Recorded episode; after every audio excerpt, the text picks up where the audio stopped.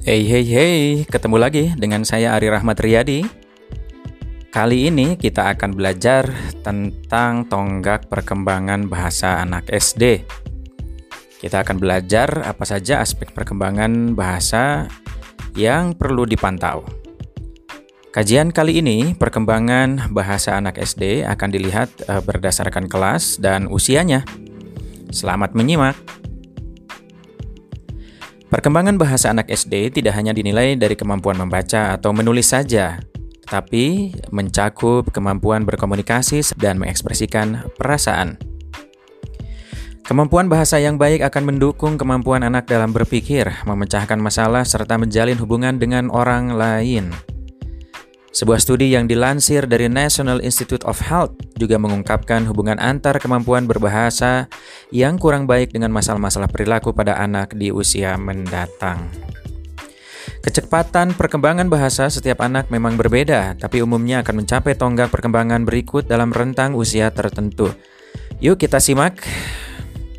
Pertama, kelas 1 6 sampai 7 tahun Anak kelas 1 SD umumnya sudah mulai terbiasa menggunakan kalimat panjang, baik lisan maupun tulisan. Si kecil juga sudah mengenal, menggunakan dan memahami lebih dari ribuan kata saat berkomunikasi. Nah, berikut kita sampaikan beberapa tolak ukur perkembangan bahasa anak SD menurut American Speech Hearing Association.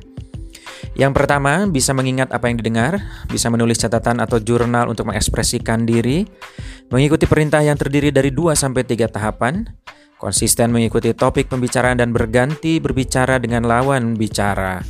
Tidak lagi huruf yang tertukar saat bicara atau menulis, mengenal 100 bacaan yang sering digunakan tanpa mengeja, dan menyebutkan kata yang berima dan mengucapkan dengan benar semua huruf dalam sebuah kata.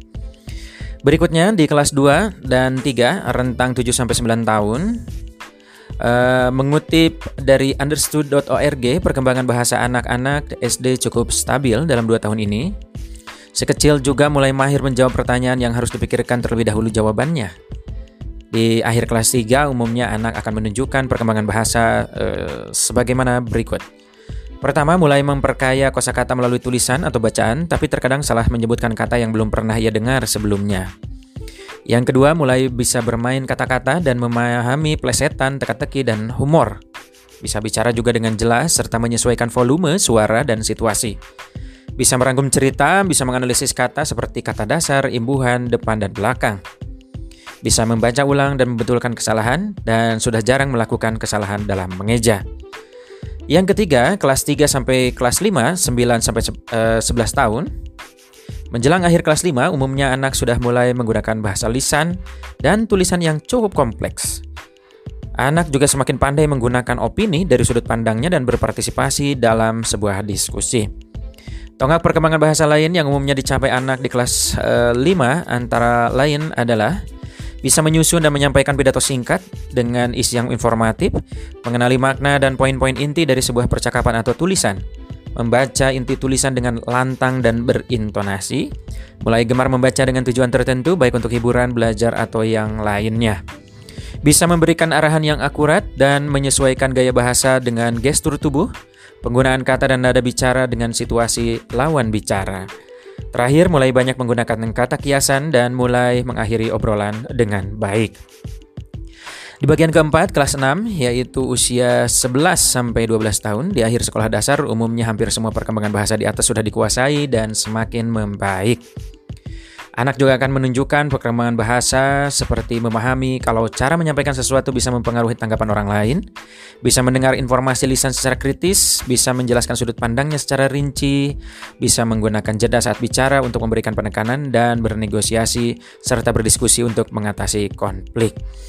Dengan memantau perkembangan bahasa anak SD, kita semua bisa melakukan intervensi yang tepat jika anak mengalami gangguan bahasa seperti gagap, dan uh, gangguan pendengaran yang lainnya terkait dengan bahasa.